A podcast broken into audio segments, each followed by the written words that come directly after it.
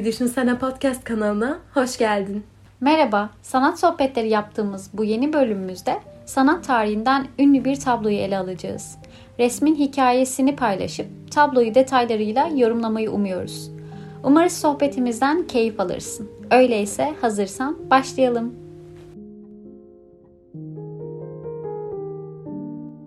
Eserin ismi Charlotte'un Lady'si. John William Waterhouse'a ait bir eser. Bu eser bir şiirden etkilenerek resmedilmiştir. Eseri eğer Spotify üzerinden dinliyorsanız bölümü kapak fotoğrafında görebilirsiniz. Aynı zamanda YouTube üzerinden de bölümü görselleriyle birlikte dinleyebilirsiniz.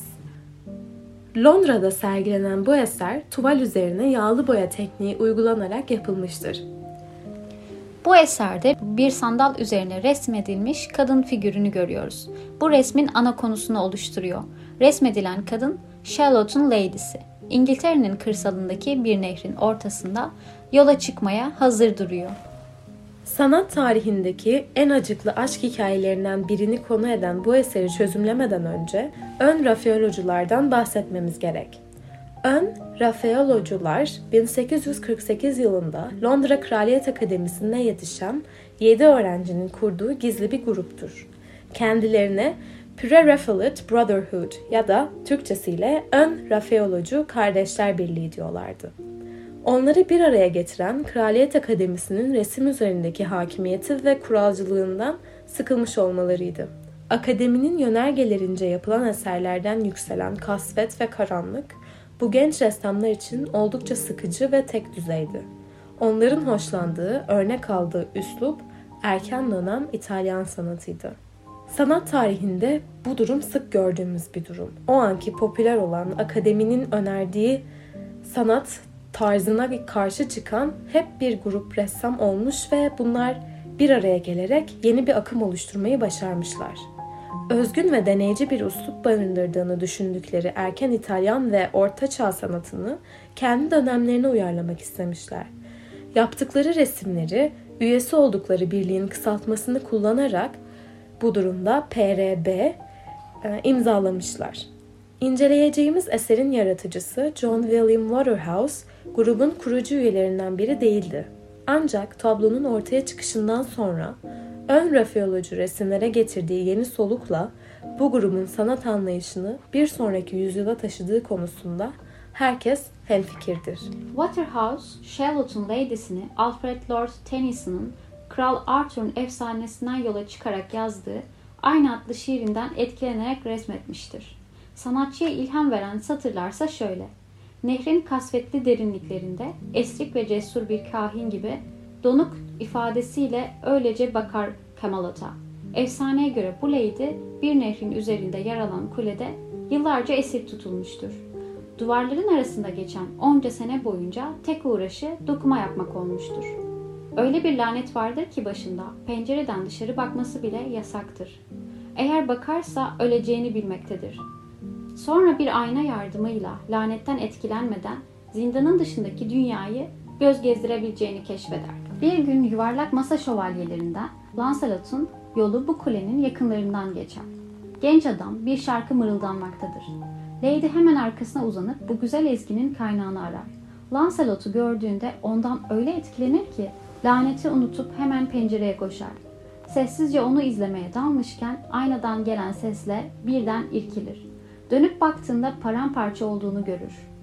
Şövalyenin şarkısıyla bir an için her şeyi unutan Lady, laneti harekete geçirmiştir. Yapılacak bir şey olmadığının farkındadır. Öleceğini bilerek Lancelot'u yakından görebilmek için kulesini terk eder ve Camelot şehrine doğru akan nehir üzerinde bir kayığa biner. Ancak bu güzeller güzeli Lady'nin çıktığı son yolculuk olacaktır. Şimdi resme bir kez daha bakalım. Dönüşü olmayan bir yola çıkan kadın oldukça melankolik görünüyor. Sonunda ölüm olan bir arzunun peşinden koştuğunun farkında. Aslında bu kompozisyon Victorian edebiyatında aşkı ve cinsel zevkleri için rahibeliği terk eden kadın temasının bir versiyonu olarak görülebilir. Kadının yüzündeki ifade ve başını yukarı kaldırma biçimi ümitsizlikle dolu yolculuğuna çıkmak üzereyken Lancelot'u görmeye değil, kendi ölümüne hazırlanır gibidir. Resim bu düşünceyi güçlendirecek çok sayıda sembol barındırıyor. Mesela kayığın ön tarafında 3 mum bulunuyor. Muhtemelen rüzgar yüzünden ikisi sönmüş, biri yanmaya devam ediyor. Ama o da çok fazla dayanacak gibi durmuyor. Sönmek üzere olan son mum yolun sonuna geldiğimizi anlatıyor aslında.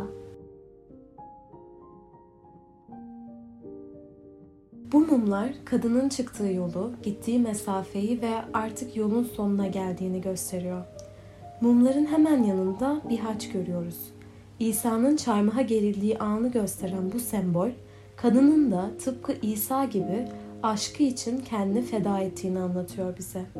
Kayıya serili örtü ise Lady'nin kulede yaptığı dokumalardan biridir ve dikkatle bakıldığında dairesel motiflerin içinde Lancelot'un tasvirini işlediğini görürüz. Ayrıca kule ve ayna da işlenmiştir ki bu motifler de oldukça dikkat çekicidir. Sağ elinde bırakmak üzere olduğu zincir ise kuledeki esaretinden kurtuluşunu temsil etmektedir. Veya bir esaretten farklı olmayan hayatından. Şimdi de resmin bize neler hissettirdiğinden bahsedelim. Kadının dünyayı sadece aynalar aracılığıyla görmesi ve gerçekliğe erişiminin kısıtlanması bize Platon'un mağara alegorisini anımsattı. Bu alegoride de mağarada zincirlenen insanların gölgeleri ve yankıları gerçek zannetmeleri ve sonrasında mağaradan çıktıklarında onların sadece birer yanılsama olduklarını fark etmeleri vurgulanmıştır. Sadece yansımalar üzerinden dünyayı görmek, dünyayı algılamak aynı zamanda bana günlük hayatta da çoğu şeyi kendi aynamızdan, kendi perspektifimizden gördüğümüz gerçeğini düşündürdü. Bu resim bir de bana kadının tarihler boyunca süre gelmiş rolünü de düşündürdü.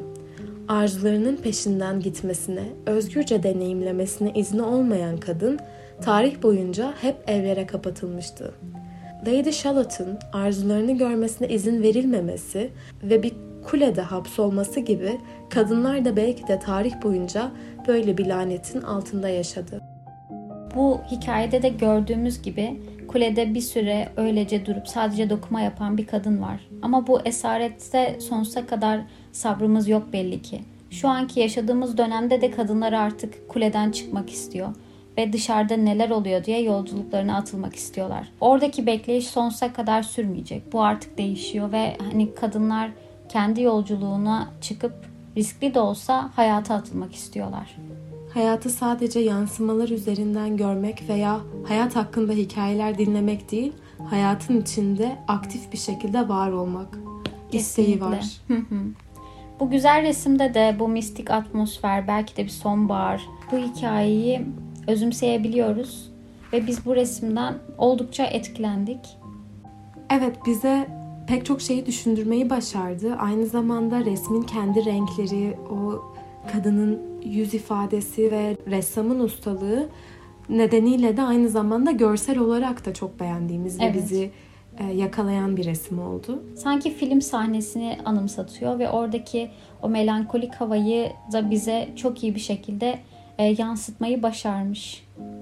Esaretini, zincirlerini koparıp e, ölüm pahasına da olsa arzularının peşinden giden bu kadın figürü hepimiz için bir ilham kaynağı olsun bence. Kesinlikle. Aynı zamanda ilk kez bu şiirden ilham alarak bir tablo yapan kişinin adı Holman Hunt'tır. Şiir pek çok resme ilham olmuş. Holman Hunt da bu resmin eskizlerini yapmış. Bu eskizlerden birinde de aynanın çevresinde küçük boyutta dairesel formlarda aynalar çizerek hikayeyi betimlemiş. Bu aynalarla birlikte hikayeyi destekleme tekniği ya da fikri ilk olarak Arnolfi'nin evlenmesi eseriyle tanıdığımız Jan von Eyck tarafından kullanılmış. O tabloyu da inceleyebilirsiniz. Aynaların resimde kullanımı oldukça ilginç bir konu. Evet ve sıklıkla başvurulan bir yöntem.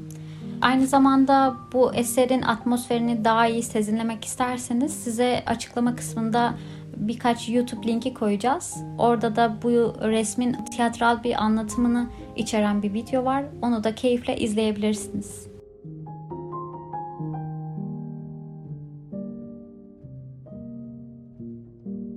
Bizi dinlediğiniz için teşekkür ederiz. Umarız siz de bu resmi beğenmişsinizdir ve sizde bir şeyler uyandırmıştır, bir şeyler düşündürmüştür. Sosyal medya hesabımızdan bizi takip edebilirsiniz. Instagram'da bir düşünsene podcast şeklinde. Onun dışında YouTube kanalımızdan da bölümü söylediğimiz gibi ulaşabilirsiniz. Kendinize çok iyi bakın. Hoşçakalın.